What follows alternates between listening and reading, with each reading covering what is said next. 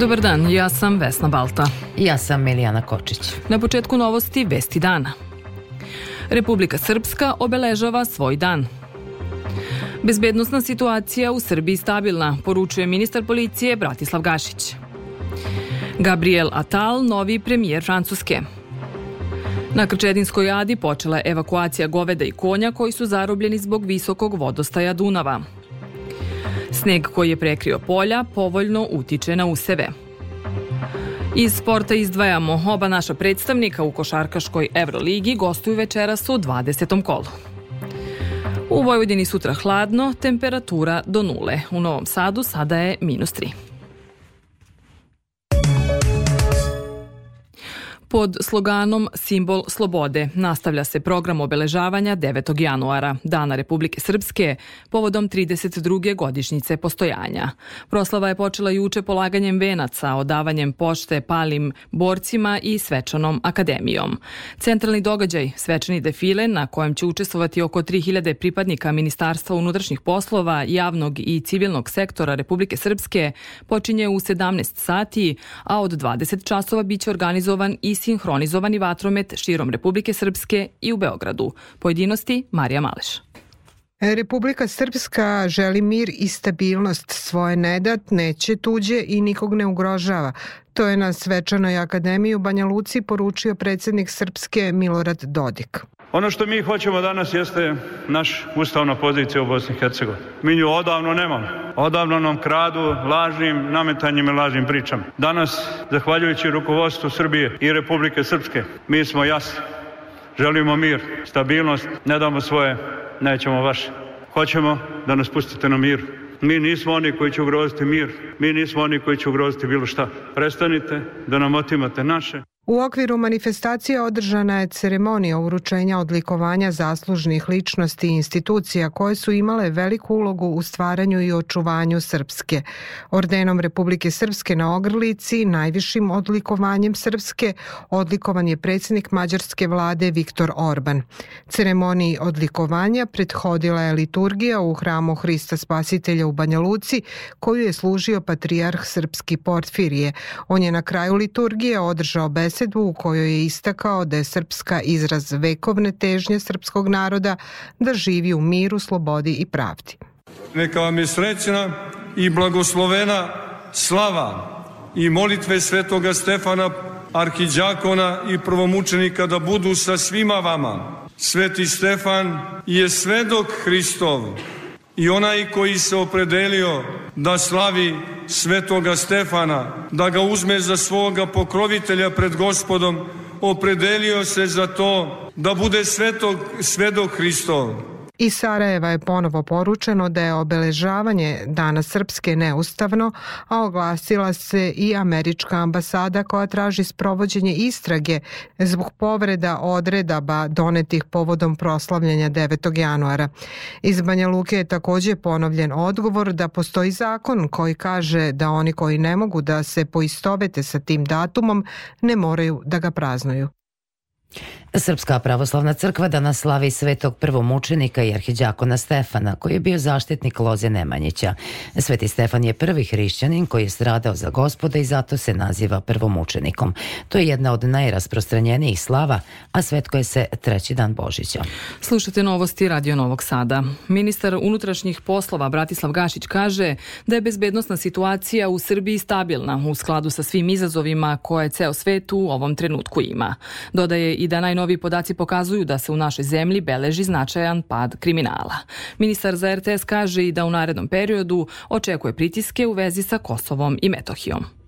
Ono što ja mogu da, da sa aspekta ministra unutrašnjih poslova, a, sagledavajući našu, našu administrativnu liniju prema Kosovo i Metohiji, jeste da smo u poslednje vreme učestalije počeli da kod e, Albanaca nalazimo sve više naoružanja. Imali ste za prethodne praznike tri velike akcije UKP-a u, u saradnji sa graničnom policijom gde smo ogromne količine naoružanja našli u mhm. vozilima koje su želeli da preko Republike Srbije da li ostave kod nas ili, ili voze negde ka zapadu Evropi, ali te su tenzije, kažem, stalno prisutne i pokušavamo da jednom državnom, nacionalnom, mudrom politikom sačuvamo naš živalj od, od takvih izazova. Da. Pritici će biti i u narednom periodu i najviše će ovaj, upravo predsednik Vučić biti izložen njima i u, u narednom periodu.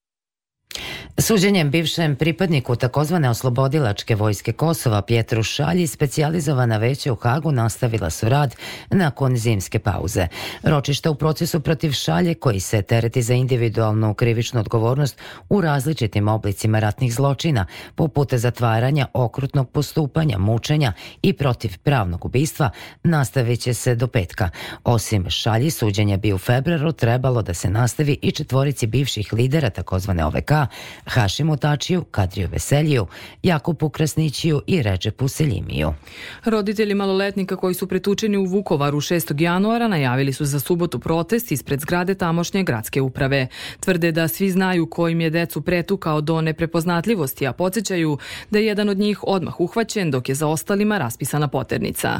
Roditelji su uputili i otvoreno pismo sa zahtevima među kojima je hitno i bezuslovno pritvaranje napadača, uključivanje državnog aparata u slučaju slučaj zabrana okupljanja navijača Dinama, kao i češće policijske patrole u gradu, rad na prevenciji nasilja i sudske presude kao garancija da će oni koji su krivi biti kažnjeni, a ne osuđeni na dobrotvorni rad. Sud Bosne i Hercegovine saopštio da je potvrdio optužnicu protiv sedmorice bivših komandanata i pripadnika Vojske Republike Srpske za, kako se navodi, genocid, odnosno ubistva počinjena u julu 1995. na području Šekovića i Vlasenice. Sud BiH potvrdio je optužnicu protiv Ratka Vujovića, Ljubomira Vlačića, Vitomira Pepića, Milovana Ognjenovića, Gorana Viškovića, Željka Dupljanina i Vlastimira Golijana. Oni su optuženi da su svesno pružili pružili pomoć članovima udruženog zločinačkog poduhvata te raznim pojedincima čiji plan je bio da zatvore i po kratkom postupku pogube, a potom i zakopaju vojno sposobne muškarce božnjake i srebreničke enklave, a žene, decu i starce prisilno premeste i na taj način ih unište kao grupu. Svet Nastavljeni su udari izraelskih snaga na centralni i južni deo Gaze u kojima je, kako tvrdi izraelska vojska, pogođeno 30 meta Hamasa. U novom napadu na jug Libana ubijen je visoki komandant Hezbolaha. Zvaničnici Svetske zdravstvene organizacije izrazili su zabrinutost zbog mogućeg kolapsa bolnica u Južnoj Gazi, jer se sukobi oko grada Kanjunisa zaoštravaju, pri čemu se mnogo medicinskog osoblja i pacijenata evakuiše kako bi spasili svoje živote. Žestoke borbe nastavljaju se na istoku Ukrajine Vojvodine. Rano jutro se ruska artiljerija gađala je Merhanjec u Nikopoljskoj oblasti. Ruski ministar odbrane Sergej Šojgu rekao je da je Ukrajina u prošloj godini izgubila više od 215.000 vojnika. Kijev tvrdi da Ukrajina odbija masovne ruske sajber napade na državne platne sisteme drugu nedelju zaredom. Ukrajinski operator električne mreže Ukrener Energo saopštio je da je zbog ekstremno niskih temperatura više od 1000 gradova i sela ostalo bez struje u devet regiona miliona. Ukrenego Energo pozvao je stanovnike da štede struju jer je energetski sistem oslabljen ruskim udarima. Evo i ostalih vesti sveta. Gabriel Attal imenovan je za novog premijera Francuske, čime je postao najmlađi premijer u istoriji te zemlje. On je na funkciju premijera stupio nakon što je prethodna premijerka Elizabeth Born podnela ostavku.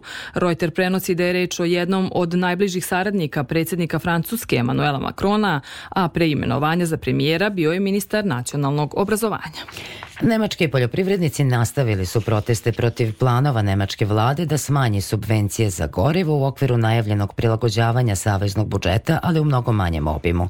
Kako prenosi nemački špigl, očekuju se znatno manji poremećaj u saobraćaju i samo nekoliko akcija u odnosu na jučerašnji prvi dan protesta, kada su poljoprivrednici blokirali prilaze autoputevima širom zemlje.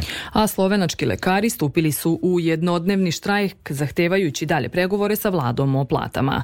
Sindikat zdravstvenih radnika Fides odlučio je da stupi u štrajk pošto se vlada Slovenije nije odazvala pozivu na razgovore. Ministarka zdravlja Slovenije Valentina Prevolnik Rupel ocenila je u saopštenju da je štrajk nepotreban te da smatra da bi razgovori mogli da počnu već danas i da bi dogovor mogao da bude postignut vrlo brzo. U požaru koji je izbio bolnici na jugu Iraka stradale su četiri prevremeno rođene bebe. Požar je izbio na gomili otpada koji pripada građevinskoj kompaniji. Angažovano je i na renoviranju bolnice za ženu i de decu u Divani, rekao je irački ministar zdravlja Saleh al kaznavi Zgrada bolnice nije izgorela, ali je bila ispunjena dimom. Četiri bebe umrle su zbog problema s plućima usled udisanja dima, a drugi pacijenti zadobili su lakše povrede, naveo je ministar. Slušate novosti, a drugi deo emisije posvećujemo domaćim temama. Na Krčetinskoj adi počela evakuacija goveda i konja koji su zarobljeni zbog visokog vodostaja Dunava. U dogovoru sa stočarima juče su pripadnici Ministarstva unutrašnjih poslova, sektora za vanredne situacije, životinjama obezbedili hranu, a predsednik pokrajinske vlade Igor Mirović izdaje nalog javnom preduzeću Vojvodina šume da se danas stoka evakuiše. Više o tome Dragana Ratković. Usled visokih voda Dunava na Krčedinskoj jadi na višim delovima ostrva ostalo je zarobljeno oko 200 konja i goveda. Na inicijativu pokrajinske vlade kao i molbu vlasnika stoke, javno preduzeće Vojvodina šume stavilo je na raspolaganje ljudske i tehničke kapacitete i danas je započela evakuacija životinja, kaže za Radio Novi Sad Marko Marinković iz tog javnog preduzeća. Brod koji ima motor i pogon ima skelu koju može da pogoni i skela ima ogradu, to je važno, da može stoka bezbedno da se prevozi evo ja očekujem da će ona trajati možda dva ili tri dana. Stočar Mile Plavšić koji je proteklih dana uputio apel za pomoć kaže da će evakuacija spasiti životinje od uginuća. Ja imam preko 200 grla, to i nešto je zarobljeno i borimo se da danas ako možemo da izvučemo. I... U javnom preduzeću Vojvodina šume kažu da će podržati akciju i biti na terenu koliko bude potrebno dok sva grla ne budu evakuisana.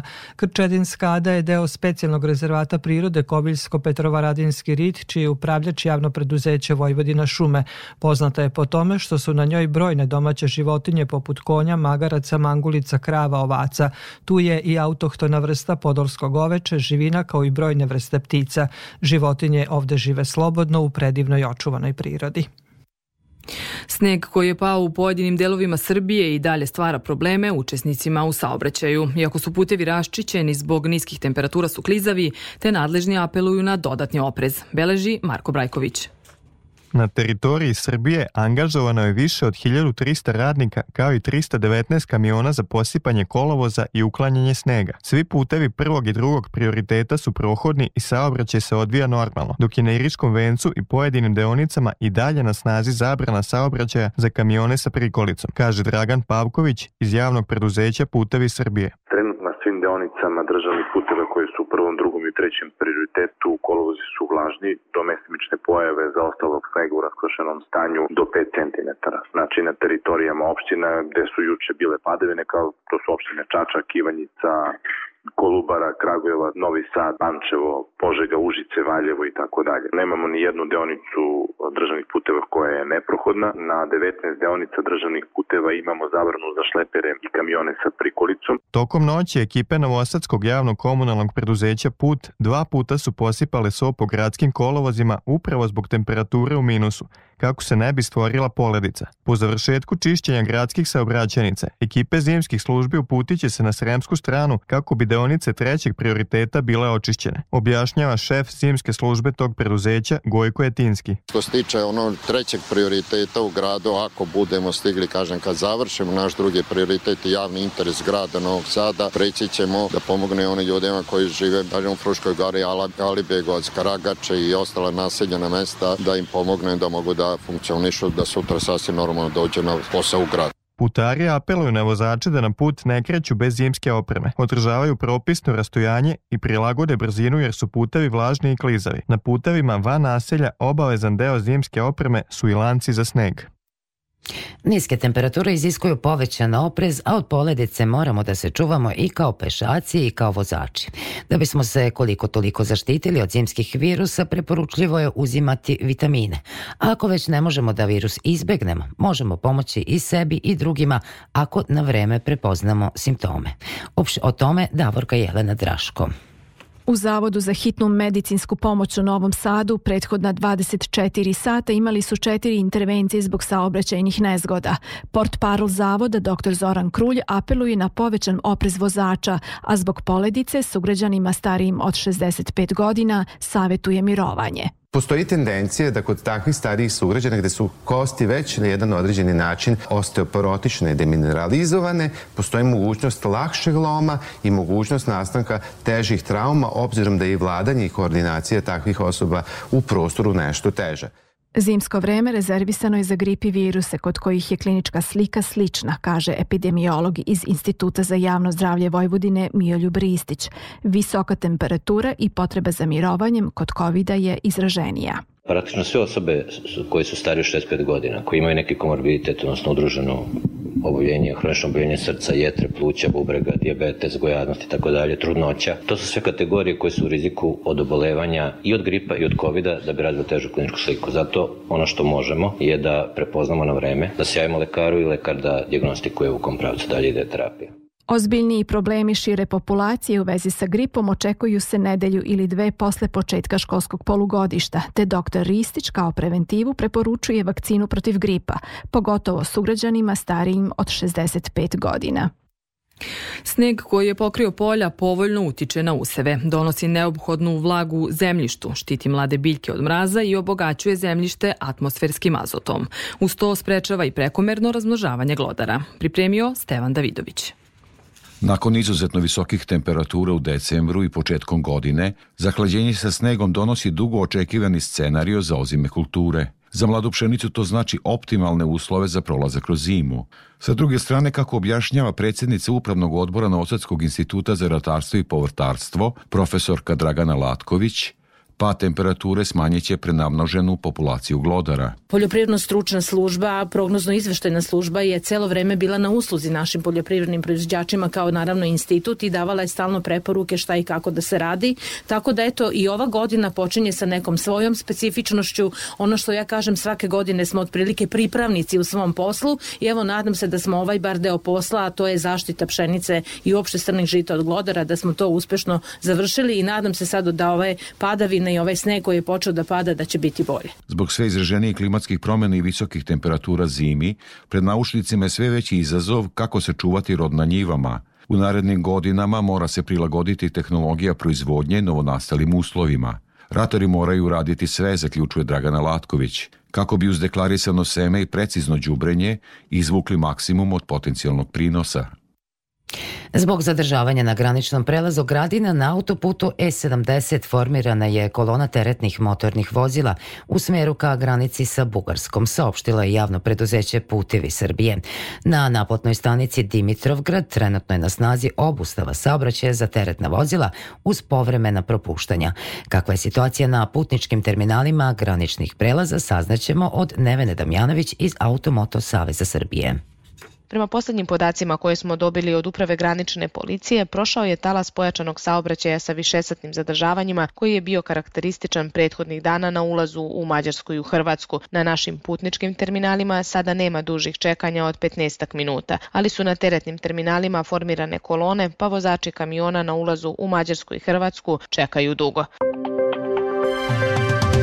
Kultura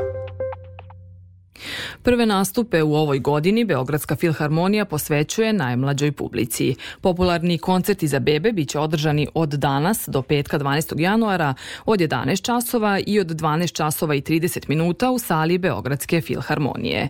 Za najmlađu publiku do dve godine orkestar izvodi najlepše valcere zajedno sa mladim dirigentom Vukom Volkom Popovićem. Filharmonija najavljuje i nova druženja sa bebama i njihovim roditeljima, bakama i dekama od 12. do 14. 14. februara. Kulturni centar Novi Sad raspisuje konkurs za dodelu godišnje nagrade Miroslav Antić za prošlu godinu. Konkurs se raspisuje za knjigu poezije na srpskom jeziku koja je kao izuzetno ostvarenje u oblasti književnog stvaralaštva objavljena na srpskom jeziku. Proglašenje laureata biće na zvaničnoj ceremoniji na Antićevim danima koji se tradicionalno organizuju početkom marta, kaže članica žirija pesnikinja Mirjana Gardinovački i navodi uslove za prijavu. Pravo učešće na konkursu imaju svi autori i izdavači. Jedini uslov je da je zbirka objavljena tokom 2023. godine na srpskom jeziku. Svi oni koji e, žele da učestvuju na konkursu treba da pošalju tri primerka svoje objavljene zbirke na adresu Kulturnog centra Novog Sada ili da lično donesu tri primerka u Kulturni centar Novog Sada gde će dobiti potvrdu za učešće na konkursu. Sport. Oba naša predstavnika u košarkaškoj Evroligi gostuju večeras u 20. kolu. Partizan od 18 časova i 30 minuta u Istanbulu gostuje ekipi Fenerbahče, a dva sata kasnije Crvena zvezda u Lionu Asvelu. U poslednjoj utakmici grupne faze Evropskog šampionata naše vaterpoliste od 19 časova očekuje duel protiv Malte.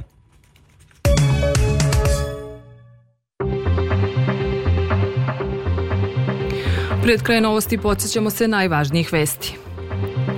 Republika Srpska obeležava svoj dan.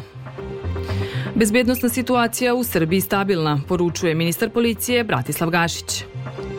Gabriel Atal, novi premijer Francuske. Na Krčedinskoj adi počela evakuacija goveda i konja koji su zarobljeni zbog visokog vodostaja Dunava. Sneg koji je prekrio polja povoljno utiče na useve. Kada je o vremenu reč u većem delu Vojvodine je oblačno, prema poslednjim merenjima u Novom Sadu je minus 2 stepena, relativna vlažnost vazduha je 80%, vazdušni pritisak 1020 milibara. Kako nas vreme očekuje narednih dana? U Vojvodini u sredu ujutru umeren mraz, mestimično magla i niska oblačnost, koja će se ponegde zadržati duže tokom dana. U ostalim krajima pretečno sunčano, ali hladno. Najniža temperatura od minus 9 do minus 6, lokalne niže, a najviše od minus 3 do 0 uveče u toku noći stvaranje magle u većem delu pokrajine. Do kraja nedelje u jutarnjim satima umeren do jak mraz u većini krajeva sa temperaturom od minus 10 do minus 4. Sa radio Novi Sad, meteorolog Mijedrag Stojanović. Slušali ste novosti prvog programa Radija Radio Televizije Vojvodine. Emisiju Tonske realizovala Ivana Bogišić. Producenti Branislava Stefanović i Zoran Bečejac. Novosti uredila Vesna Balta. Ja sam Milijana Kočić. Ostanite uz naš program. Želimo vam prijatno popodne.